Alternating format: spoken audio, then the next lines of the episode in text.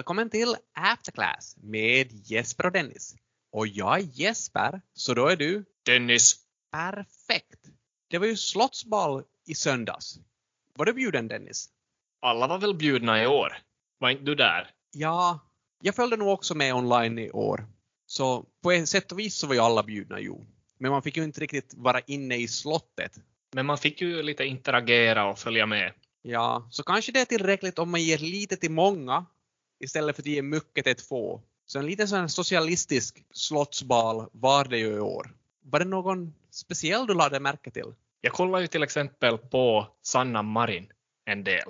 Hon bar ju en Marimekko-klänning och vi var ju inne en gång lite på det här att kan det vara så att man ser en reaktion på börsen om ett stort antal människor ser det här företaget till exempel på TV. Fanns det någon reaktion i Marimekkos börskurs nu på måndag? Jag kollade lite att stängningskursen på fredag 39,95. Måndag första timmarna av handel steg priset till 40,50. Alltså en positiv reaktion omedelbart på cirka 1,4 procent. Så det är ju inte fy skam. Nej, det låter ju verkligen intressant det här. Man ska komma ihåg att börsen kan ju röra på sig av många olika orsaker. Men jag försökte titta upp här, hur såg det ut med ordet Marimekko på Google Trends? Och det är faktiskt så att Marimekko hade den högsta noteringen på Google Trends just klockan 17, 6.12. Och det var ungefär då vid den tidpunkten som det började gå upp för folk visst att nu har hon en klänning på sig och kan det vara en Marimekko-klänning. Ja, så det här stödjer ju helt enkelt det här argumentet att den här reaktionen på aktiemarknaden som kom på måndag var till följd av att många personer såg Marimekko-klänningen under söndagen. Mm. Men så kan det åtminstone vara. Lite gratis reklam där och översätter man 1,4 procent i värdesuppgång så kan man översätta det till 4,5 miljoner euro. Så ganska bra. Ja, det får man verkligen säga att det är helt okej. Eftersom vi firar då självständighetsdagen här i söndags så tänkte vi kanske idag prata lite om den finländska börsen. Så jag menar om vi börjar med att fundera på vad heter den finländska börsen? Eller den största finländska börsen? Kanske den enda? Man brukar ju prata om OMXH, Helsingforsbörsen, Nasdaq Helsingfors eller liknande. Jag funderar, är det så att börsen, den finländska börsen heter Helsingforsbörsen och att indexet heter OMXH? Det låter möjligt. Men om vi tänker på Helsingforsbörsen så, jag menar, hur länge har den funnits? Man börjar väl se de första tecknen på någon slags börs redan på 1800-talet. Så jag kollar upp här att Helsingfors börsförening grundades 1862. Så vilka aktier var då populära under den här tiden? Jag såg att det fanns ångbåtsbolagsaktier, någon bank, någon hypoteksförening. Jag vet inte, blir du intresserad? Ja, sådär måttligt intresserad. Jag funderade just, var ångbåtar det nyaste nya på 1800-talet?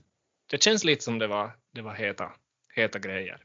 Om, Men man kunde bara handla med de här aktierna två gånger per vecka, så det var kanske inte så, så väldigt likvid handel ändå. Åtminstone ingen sån här high frequency trading. Det är inte så många algoritmer. De hade en sån här tidning som man kunde läsa eh, som kom ut då med jämna mellanrum. Där kunde man kolla upp priser och så vidare och lite nyheter och så där. Men det var Helsingfors börsförening. Så om vi då går till Helsingforsbörsen, när grundades den? Det som är lite närmare det vi har idag, så den kom till 1912, 7 oktober. Och, Man kan jämföra det med Stockholmsbörsen som kom till 1863 eller New York Stock Exchange som kom till 1792. Så i Finland 1912 under den här ryska, ryska tiden. Då. En klassisk quizfråga är ju, var finns Helsingforsbörsen? Ja, ska man gå till Fabiangatan? Det känns väl nog ganska korrekt. Fabiangatan 14. Så där hittar vi både börsen och restaurangen Percy. Mm. Annan viktig information är ju, vem ska man kunna tänka sig att ha ritat den här Helsingforsbörsen? Kan du så här på rak arm säga något namn? Där måste jag nog lägga mig. Kan det vara Lars Sonck förresten? Ja, alltså det är väl nog ett Lars Sonck-hus. Då man tänker efter så nu, nu är det ju Lars Sonck ända, ända upp på taket där. Om vi går tillbaka till 1912 då och så tänker vi på börser och tänker på vad som ofta förknippas med börser och det är ju spekulation. Har vi några gamla spekulationseror som, som vi kan fundera kring? Det kom ju det här första världskriget där i början också och i samband med det så kom den första riktigt ordentliga spekulationsbubblan i Finland. Det var då 1916. Under den här spekulationsbubblan, vad spekulerade man om? Och som sagt, första världskriget var i rullning. Finland var ryskt och den ryska krigsmakten behövde material, vapen och allt möjligt för att hållas i skick. Och där var ju de finska företagen med och hjälpte till. Så det fanns en väldigt häftig efterfrågan samtidigt som inflation var någonting som kanske gjorde att man inte hade koll på de här hur mycket hundra var värt av en viss valuta. Okej, så det här låter som en situation där man ser att företagen konstant gör högre och högre vinster och där man extrapolerar och tror att de, den här ökningen av vinsterna kommer att fortsätta i all oändlighet. Var det det som ledde till den här spekulationen? Så var det nog, så var det nog. Hade den här eran något hade något namn? Man brukar prata om häxdansen. Jag vet inte, har du, har du hört det ordet? Häxdansen? Ja, häxdansen, det ringer inga klockor för mig. Ja, men du vet, det, det är sådär vild, vild stämning. Man vet inte vad som kommer att hända. Troligtvis är det något, något fuffens på gång. Det fanns någon historia att det blev så, så vild handel att, att man måste handla också på kvällen. Ja, det låter väldigt, väldigt, väldigt speciellt. Ja, alltså det, det var lite sådär att börsen blev lite som ett folknöje under de här krigs, krigsåren. Så man tog bland annat upp en inträdesavgift också så att folket kunde gå upp på börssalens läktare och följa med handen där uppifrån. Så det var väldigt vilt och det var häxdans hela tiden. Sen sprack det, bubblan alltså.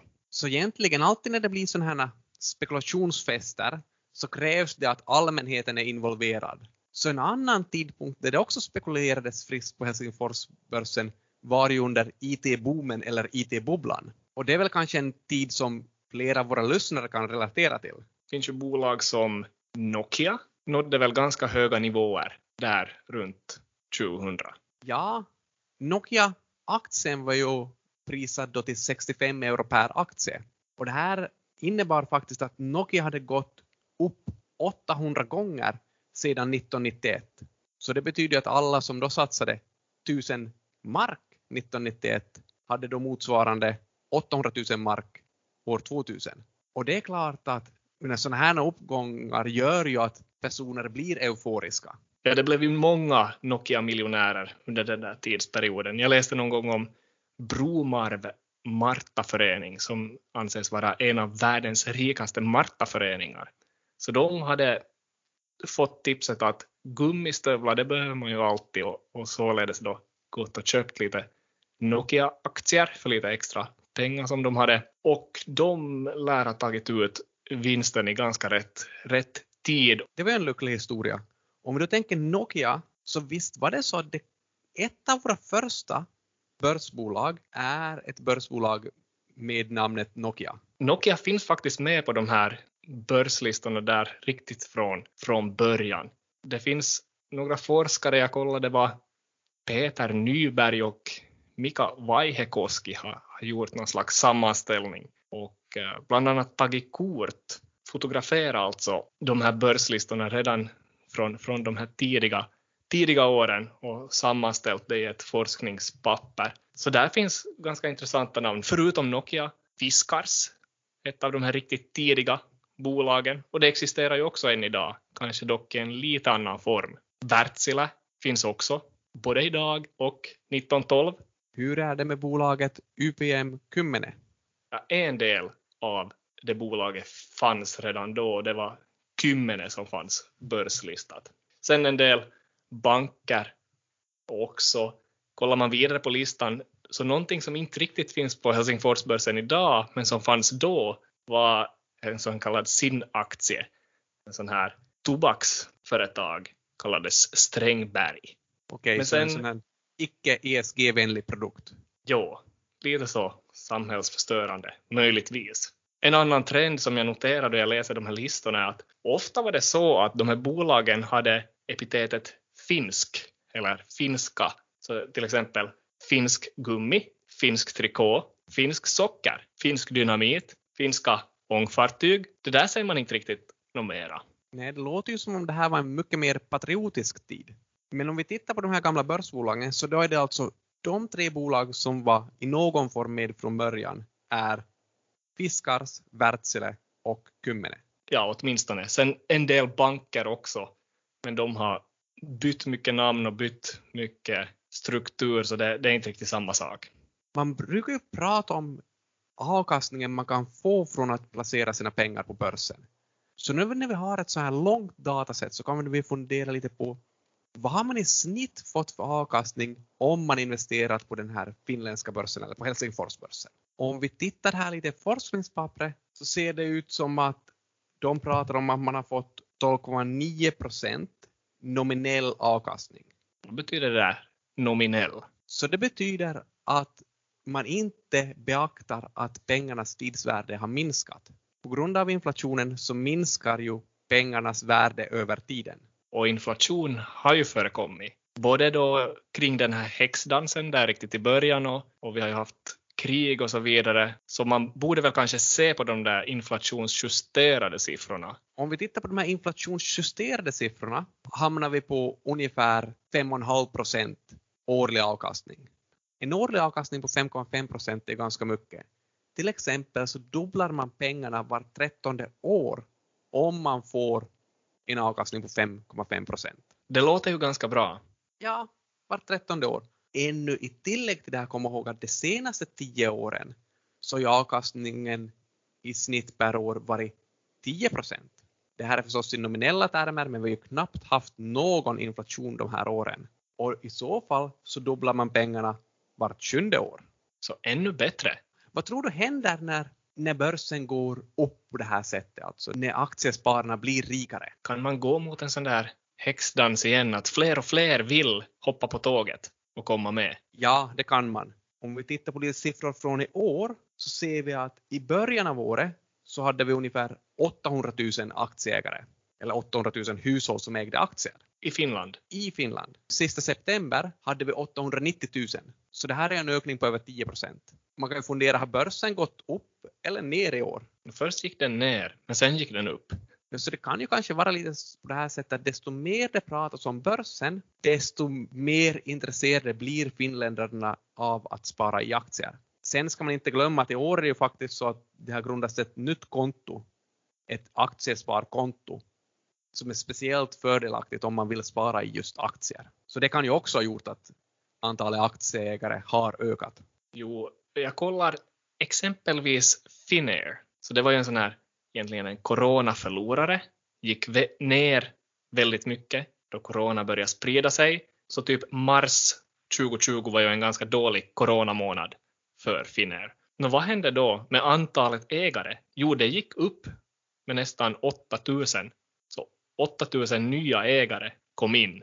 Och sen har det bara tickat på så att egentligen från början av året börjar man med 29 000 ägare och nu ligger man på någonstans 80 000 aktieägare i Finnair. Så den här ägarbasen har ju breddats ganska rejält där. Finnair har alltså blivit en sån där kallad folkaktie. Det kan man nog nästan säga. När jag tittar på andra folkaktier ser jag faktiskt att det finns många av de här väldigt gamla bolagen som är folkaktier. Så både Wärtsilä och UPM finns med där. Så de här namnen som fanns med redan 1912, de hänger kvar? Ja, de hänger med ännu. Båda bolagen har ungefär 100 000 finska hushåll som ägare. Vet du vilket bolag som har flest hushåll som ägare? Finländska då. Någon bank? Helt rätt. Nordea. Men vi ska komma ihåg igen, nästan 900 000 finländska hushåll äger någon aktie. Och det här är ungefär 16 procent av befolkningen. Så vi börjar ju vara i ett sånt skede där gemene man har någon typ av aktieintresse. Det är ju en positiv sak. Ja, men bör vi också vara lite oroliga? Brukar man inte säga lite sådär att då taxichaufförerna ger dig aktietips, då är det dags. Eller då är det redan för sent. Ja, man brukar väl säga på så sätt. Och jag läste faktiskt en ny, ett nytt forskningspapper också som sa så här att de tider då aktiemarknaden har gått upp väldigt mycket, då är de här dricksen till taxichaufförer och Uber-chaufförer och så vidare på Wall Street högre än de tider då aktiemarknaden har gått ner. Så vad, jag vet inte, då börjar jag fundera lite. Är det så att de här börshajarna tackar för tipsen som de har fått av taxichaufförerna eller vilken väg går den här kausaliteten där? Ja, och vad blir som tipsen av tipsen? Det, det är svårt. Men hur som helst, jag tror att vi lever i en ganska intressant tid med de här höga värderingarna och det här stora intresset för aktiehandel nu just. För det här är ett intresse som inte bara finns i Finland. Faktiskt, om man summerar all marknadsvärde på världens börser så får man en, en summa på i dollar då 100 trillions. Och vad var det här trillion nu? Nu börjar de med de här svettiga frågorna igen. 12 nollor efter 100. Så det är ganska mycket. Sätter man det i perspektiv eller i relation till världens globala BNP per år så är det faktiskt mer än det. Alltså det är 115 procent av allt som produceras på jordklotet som mäts i BNP. Ja, det här låter ju faktiskt helt otroligt. Så vad är då vårt marknadsvärde i relation till det vi producerar?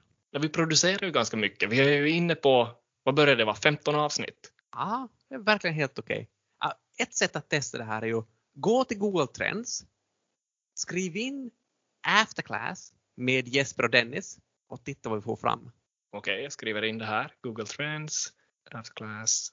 Ja, då står det så här. Det finns för mycket data för sökningen för att den ska kunna visas här. Kontrollera stavning eller testa med en mer generell sökterm. Okej, så att marknadsvärde verkar inte vara kvantifierbart överhuvudtaget. Jag menar, så är ju situationen med de flesta startups. Ja, vi är väl någon slags unicorn i alla fall. Det kan vi väl säga. Vi fortsätter nästa vecka med nya insikter i After Class.